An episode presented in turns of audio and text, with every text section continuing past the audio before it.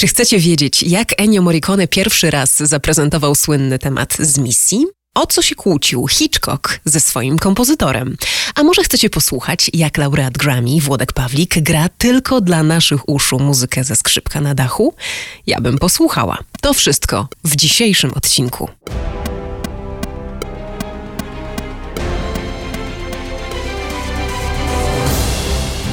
RMF Classic prezentuje Zagraj to jeszcze raz.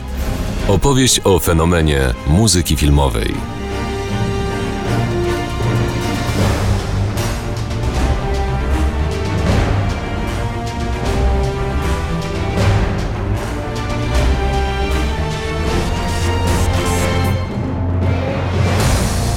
Magda Miśka-Jackowska, zapraszam, przypominając, że znajdziecie nasz program także na www.rmfclassic.pl. A dziś Odcinek dziewiąty.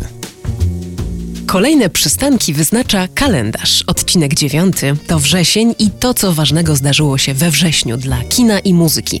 Włącznie z urodzinami laureata Oscara z 2019 roku za najlepszą muzykę Ludwika Joranssona ze Szwecji.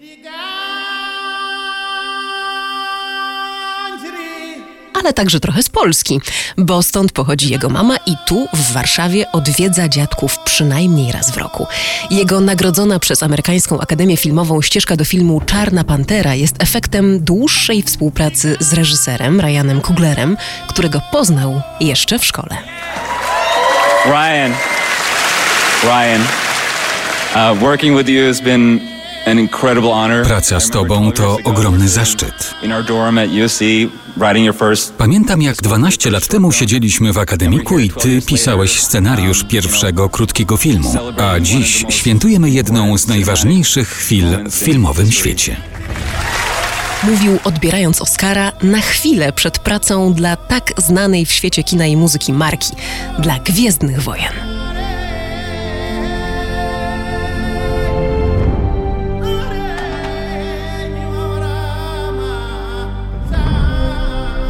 Kalendarium. Najpierw pokaz w Norwegii, potem w Cannes i wreszcie we wrześniu 1986 roku kina w Hiszpanii zaczynają sukces filmu Misja, który trwa do dziś. I nie da się ukryć, jednym z głównych powodów tego sukcesu jest muzyka. Jedna z najbardziej rozpoznawalnych i najpiękniejszych ścieżek dźwiękowych w historii. Reżyser Roland Joffe opowiedział tę historię o zbawieniu i przyjaźni niezwykle muzycznie. Sam zresztą twierdzi, że reżyserowanie jest trochę jak dyrygowanie orkiestrą. Mam płytę z misją, włączam ją często i słyszę tę muzykę niemal wszędzie, w hotelach, barach, na lotniskach. Czasem słyszę też ścieżkę z pól śmierci, ale misję zdecydowanie częściej. Ten film był bardzo prawdziwy. RMF Classic odsłania kulisy powstania najsłynniejszych tematów filmowych w historii. Czy misja byłaby możliwa bez muzyki Ennio Morricone? Otóż niewiele brakowało, a tak by się stało. Posłuchajcie opowieści reżysera.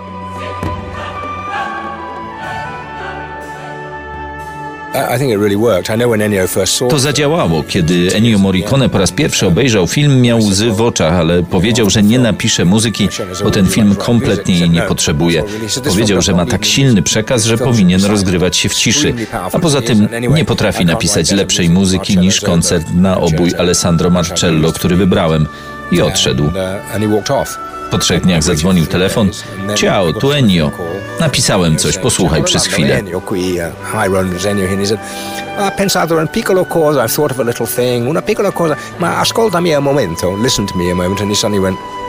down the phone. Ba-ra-pa-pa-pam. Co sądzisz? Odpowiedziałem, Ennio, to jest to.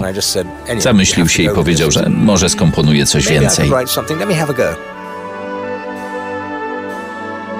Liturgiczne chóry, do których łacińskie słowa napisała żona Morricone, Maria Trawia, etniczne perkusje, hiszpańskie gitary. To wszystko uderza w uszy słuchacza od pierwszych minut. Usłyszeć tu można całe bogactwo rytmów i instrumentów, w tym niezwykły japoński flet. Krytycy pisali, że oto powstała muzyka, która dotyka duszy. Sam maestro, koncertujący w Polsce regularnie, docenia, że misję zna i lubi tutejsza publiczność. Che più voluto Co mogę powiedzieć, zaznaczając, że mówię tylko o znajomości mojej muzyki, a nie muzyki w ogóle? Że polska publiczność wydaje się bardziej zaangażowana, lepiej wyedukowana i ciekawa. Polacy znają nie tylko moje tematy z westernów, ale oczywiście także z misji i innych filmów. Polscy widzowie są bardziej otwarci i mają większą wiedzę. Pamiętają, że poza westernami są też inne produkcje z moją muzyką równie ważne. Quindi un pubblico che ha più apertura nel, nella- nell'ascoltare, più cultura. A co do żony, która jest nie tylko strażniczką domowego ogniska, ale również partnerem artystycznym, czy to prawda, że Ennio Morricone obiecał jej, że gdy skończy 40 lat, skończy z kinem? Nie tylko powiedziałem to, gdy miałem 40 lat. Ja to mówię żonie co 10 lat. Że jak będę mieć 50, to przestanę pisać muzykę filmową, potem 60 i tak dalej. Ale wciąż tu jestem i komponuję. Co mnie w tym najbardziej fascynuje? Chyba to, że pomimo ograniczeń, ram, jakie nakłada na mnie sam film i reżyser, nadal czuję się wolny. Wystarczająco wolny. I choć muszę trzymać się opowiadanej na ekranie historii, wskazówek reżysera, to nadal jest w tym wolność, możliwość innowacji, wymyślania nowych rzeczy. Za każdym razem. Czasem udaje mi się lepiej, czasem gorzej, ale to jest cały czar tej pracy. Mogę robić co chcę i wyrażać tą muzyką samego siebie.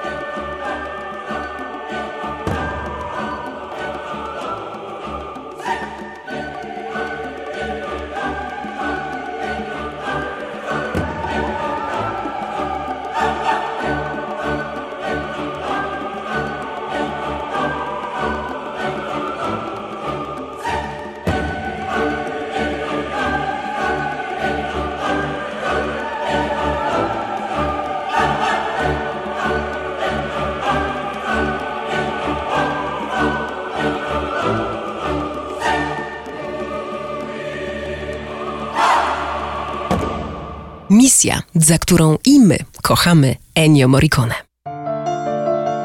Zagraj to jeszcze raz. Czyli o fenomenie muzyki filmowej. Był 7 września 2008 roku, gdy w polskiej telewizji ukazał się pierwszy odcinek wojennego serialu o młodych ludziach Czas honoru. Po raz pierwszy od dawna muzyka filmowa zagrała rolę, a słuchacze, zaproszeni na koncerty, podczas których brzmiała na żywo, odpowiedzieli entuzjastycznie i rozpoczęli pochód przez liczne podobne wydarzenia w wielu polskich miastach. Czas honoru ruszył to, co jakby u nas trochę zastygło, mówi grająca w serialu Magdalena Różczka. Moim zdaniem muzyka w czasie honoru jest naprawdę wyjątkowa i zdarzyło mi się oglądać kilka scen przed postprodukcją, taką końcową, bez muzyki między innymi i później drugi raz już wykończone te same sceny, między innymi z muzyką i to było nieba ziemia, naprawdę, to tyle dodaje.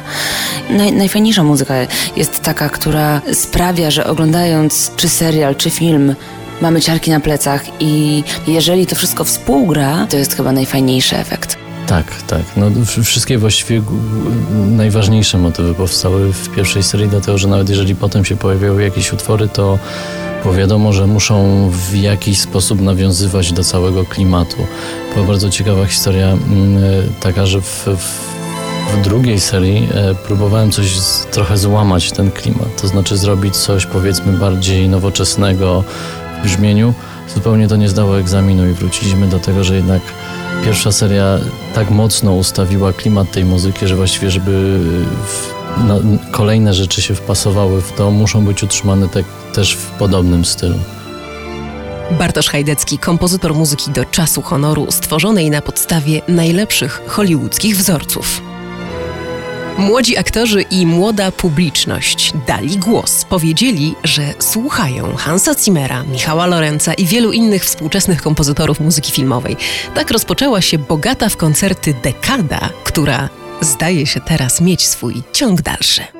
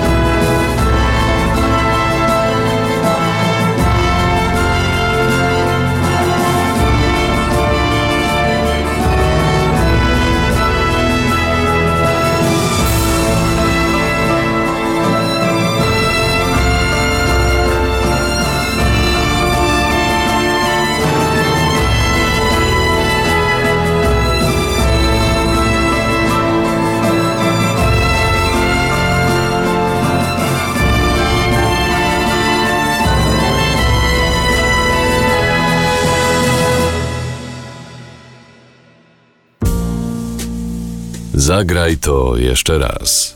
Zaprasza w RMF Classic Magda Miśka-Jackowska. A to jest opowieść o muzyce filmowej, jej bohaterach, kulisach, anegdotach i sekretach. Idziemy zgodnie z kalendarzem, zatem odcinek dziewiąty opowiada o wrześniowych faktach z historii muzyki kina.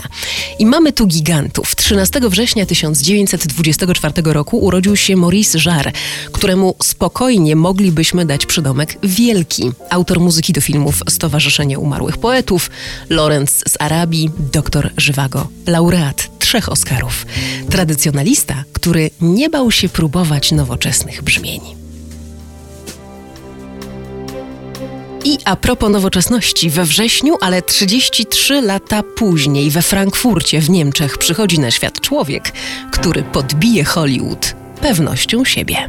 This is Hans Zimmer. I'd love to say hello to all of you listeners at RMF Classic. Thank you for listening to my music.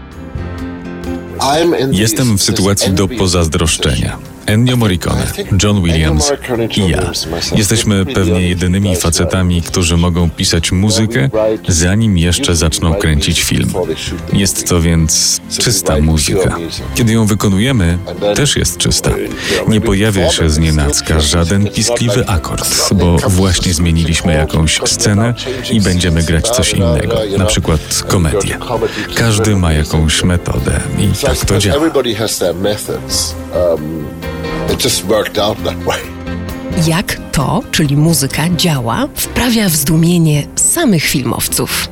It's a, we're, we're very anachronistic in these times of everybody building walls and everybody building, you know, being their own Jesteśmy bardzo anachroniczni w tych czasach, w których buduje się mury, są nacjonaliści, a my mamy ludzi z całego świata, różnych kultur. Najważniejszą sprawą w życiu muzyka jest umieć słuchać, słuchać innych ludzi. Koncert zabrzmi dobrze tylko wtedy, gdy będziesz wspierać drugą osobę, słuchając jej. Co akurat jest moim fartem, bo jestem kiepskim muzykiem, ale umiem słuchać. To prawda i ja to bardzo lubię. Dla nas, ludzi muzyki, wiele rzeczy jest oczywistych. All those sort of things which Wracam właśnie ze spotkań prasowych wokół filmu Wdowy, który zrobiliśmy, a który opowiada o polityce, gender i tak dalej. I zdałem sobie sprawę z tego, że na wiele pytań, które stawia sobie dzisiaj świat, muzyka już odpowiedziała. Reżyserzy są nawet o to czasem zazdrośni. Przychodzą na sesję nagraniową muzyki, a tam 100 ludzi dokładnie wie, gdzie ma usiąść. Co więcej, oni wiedzą, co mają robić. Nawet nie musisz im tego mówić. Na planie filmowym jest 100 indywidualności i panuje chaos. Ten nie chce stać obok tego, a ten obok tamtego. U nas nie chodzi o ego, a o muzykę, nie o władzę. And it's, and, you know, and if you're on a set and there's a hundred extras and it's just chaos, you know? And it's like people screaming and da da da, and this one doesn't want to stand next to this one, and then, you know, because it's all about the music, it's not about the ego, it's not, and it's not about power. Opowiada najlepszy biznesmen wśród kompozytorów i najlepszy kompozytor wśród biznesmenów. Samouk, Europejczyk, artysta, którego wielką zaletą jest to, że potrafi słuchać oraz to, że nie ma dla niego rzeczy niemożliwych. Hans Zimmer.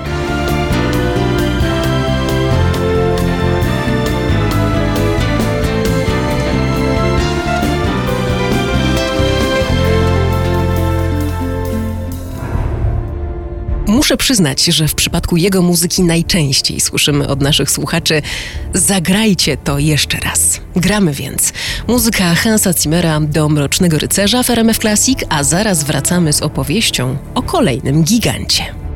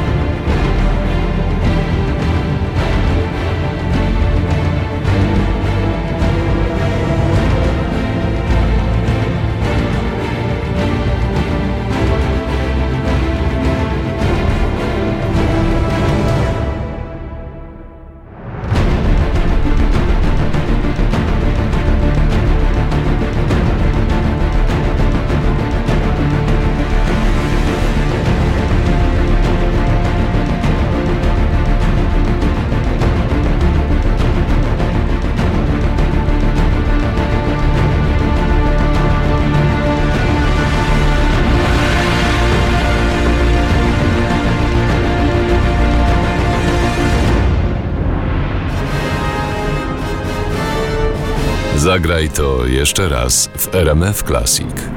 O fenomenie muzyki filmowej opowiada Magda Miśka-Jackowska.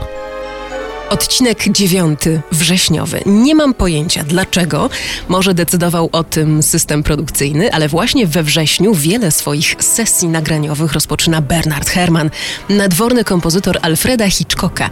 Ciekawe, czy wiedział wcześniej, kto zabił on sam, a także Hitchcock, stanowią fascynującą zagadkę świata kina. I jeśli pytacie, z kim z branży filmowej poszłabym na kolację, gdybym tylko mogła, to poszłabym z nimi, choć nie sądzę, abym coś przełknęła.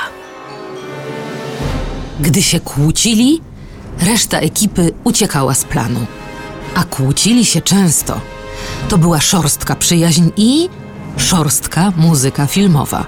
Współpraca Bernarda z Alfredem Hitchcockiem przeszła jednak do historii. Oto dreszczowiec z 1956 roku pod tytułem Człowiek, który wiedział za dużo. Miejmy nadzieję, że nie poszło tu na noże. Reżyser podłożył pod jedną z najważniejszych scen klasyczną muzykę, ale zaproponował kompozytorowi, że może napisać ją od nowa, jeśli uzna, że to konieczne. Bernard postanowił, że nie zmieni ani nuty. Zadowoli się orkiestracją, która wydłużyła tę filmową chwilę do kilkunastu minut, co wydaje się zabiegiem bez znieczulenia, zarówno dla widza, jak i melomana. Finałowa scena, rozgrywająca się w słynnej londyńskiej sali Royal Albert Hall, zyskała jednak milczącego, ponurego aktora. Jest nim kompozytor w roli dyrygenta. Człowiek, który wiedział wystarczająco dużo, aby cztery lata później nie dać się zaprosić na plan psychozy. Na wszelki wypadek.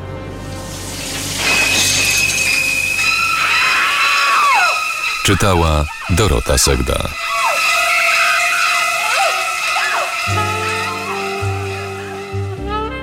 Przypominam w RMF Classic muzykę Bernarda Hermana, ale żeby nie powodować u Was zawału serca ani innego trzęsienia ziemi, będzie to taksówkarz Martina Scorsese.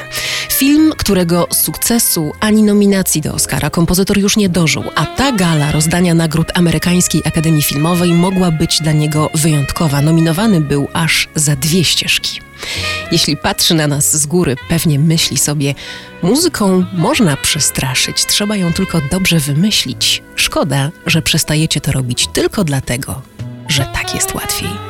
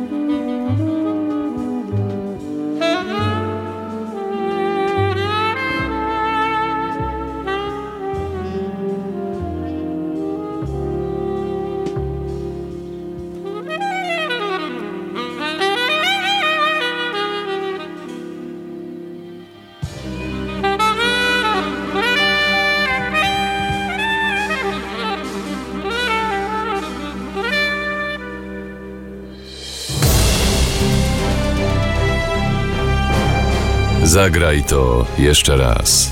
Opowieść o fenomenie muzyki filmowej w RMF Classic.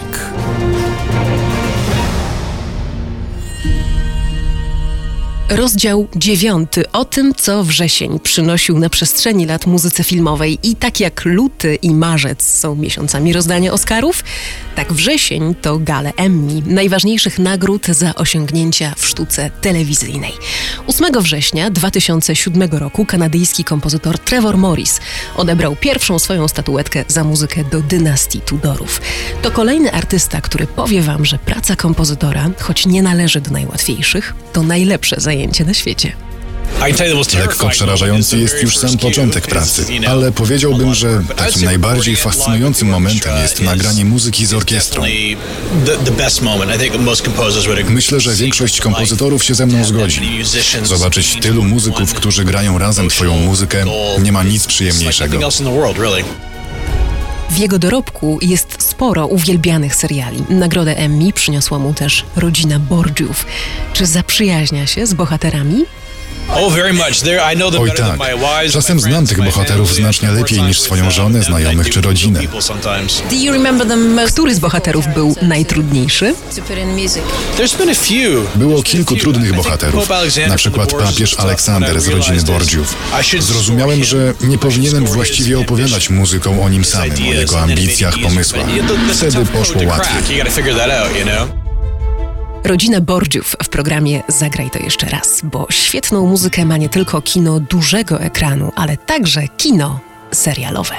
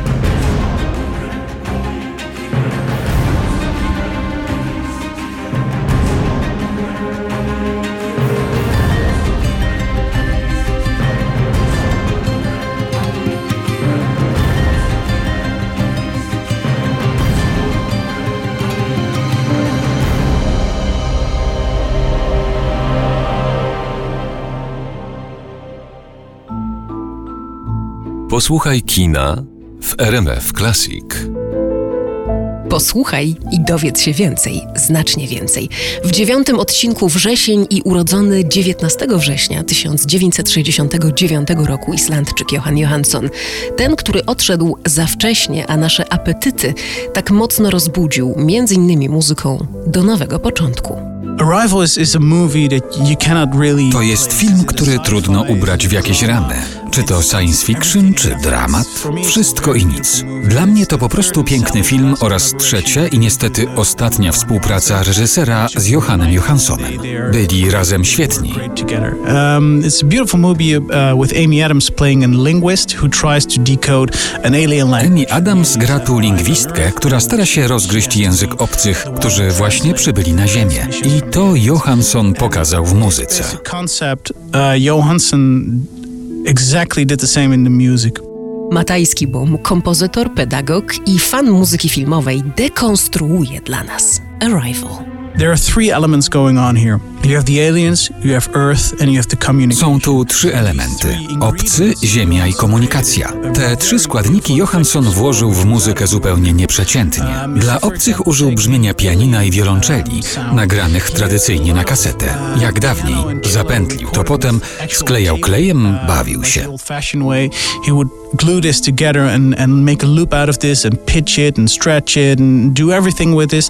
So when you hear this in the movie, you hear it's an actual instrument, but you hear, it's also a little bit different than you're used to. You cannot say, this is a piano or this is cello, but you hear something you recognize, but you don't know what. So this is his way of telling the Gdy słyszysz to w filmie, wiesz, że to jest prawdziwy instrument, ale jest coś w brzmieniu, co nie pozwala ci rozpoznać nic więcej. He went to woods. Everything percussive is woods. It's um. Ziemię pokazał dzięki brzmieniu drewna. Cała perkusja jest drewnem. Grał na nim on sam albo inni ludzie uderzając patykami w drewno. Czy można lepiej? Aby pokazać muzyce efekt komunikacji między nimi, użył chóru, ale bardzo oryginalnie. And the idea of these short sounds has two parts to it. First of all, it sounds like more. Chór nie śpiewa słów, tylko wydaje krótkie dźwięki. Po pierwsze, dlatego, że to może przypominać jakiś język z przeszłości, kod. A po drugie, to jak język dziecka, które nie umie jeszcze wszystkiego powiedzieć. little kids use when they cannot talk. So he used this way of using choir to communicate between the alien world and the human world.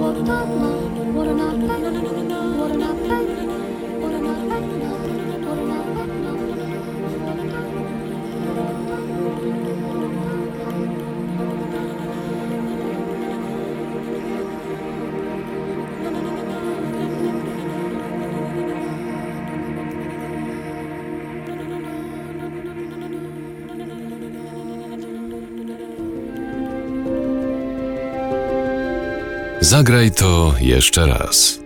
Czyli o fenomenie muzyki filmowej. Laureat Grammy, wybitny polski pianista, obecny niemal we wszystkich muzycznych gatunkach, także w kinie, Włodek Pawlik.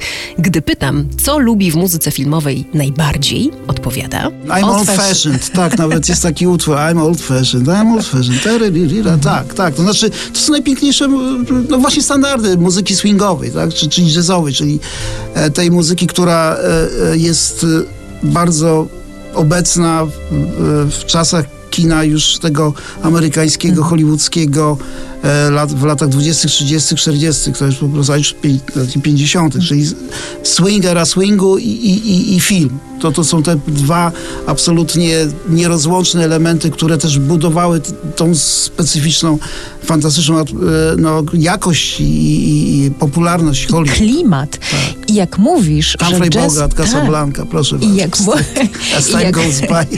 jak mówisz, że, że jazz się bierze z piosenki, tak. to piosenka, właściwie piosenka filmowa, trudno o, o bardziej popularny gatunek, Cole Porter. Dokładnie. Nie wiem, ile jego piosenek zagrało w filmach, ale mhm. pewnie bez liku. Jest nawet film o nim samym, bo przecież to był bardzo barwny, barwny bardzo, człowiek. Bardzo, ja, ja osobiście poznałem jego e, wnuczkę. Zresztą byłem w jury e, American Piano Competition w Indianapolis, gdzie właśnie Fundacja Kolportera e, przyznawała na główne nagrody i, no i poznałem całą rodzinę, byłem zaproszony, także w ogóle mam wiadomości z pierwszej ręki. Tak, był to dziwat, niesamowity, ale wspaniały muzyk. A że mamy w studiu instrument, nie mogłam się oprzeć, aby nie poprosić Włodka Pawlika, by przy nim usiadł. Pierwszym tematem, który miał pod palcami, był fragment ścieżki do skrzypka na dachu, musicalu, który podbił kino. 9 września 1935 roku urodził się wielki izraelski aktor Chaim Topol, dzięki któremu skrzypek na dachu jest tak znakomicie zagraną filmową opowieścią. Za adaptację muzyki John Williams dostał swojego pierwszego Oscara, a my niezmiennie mamy ciarki na dźwięk tej melodii.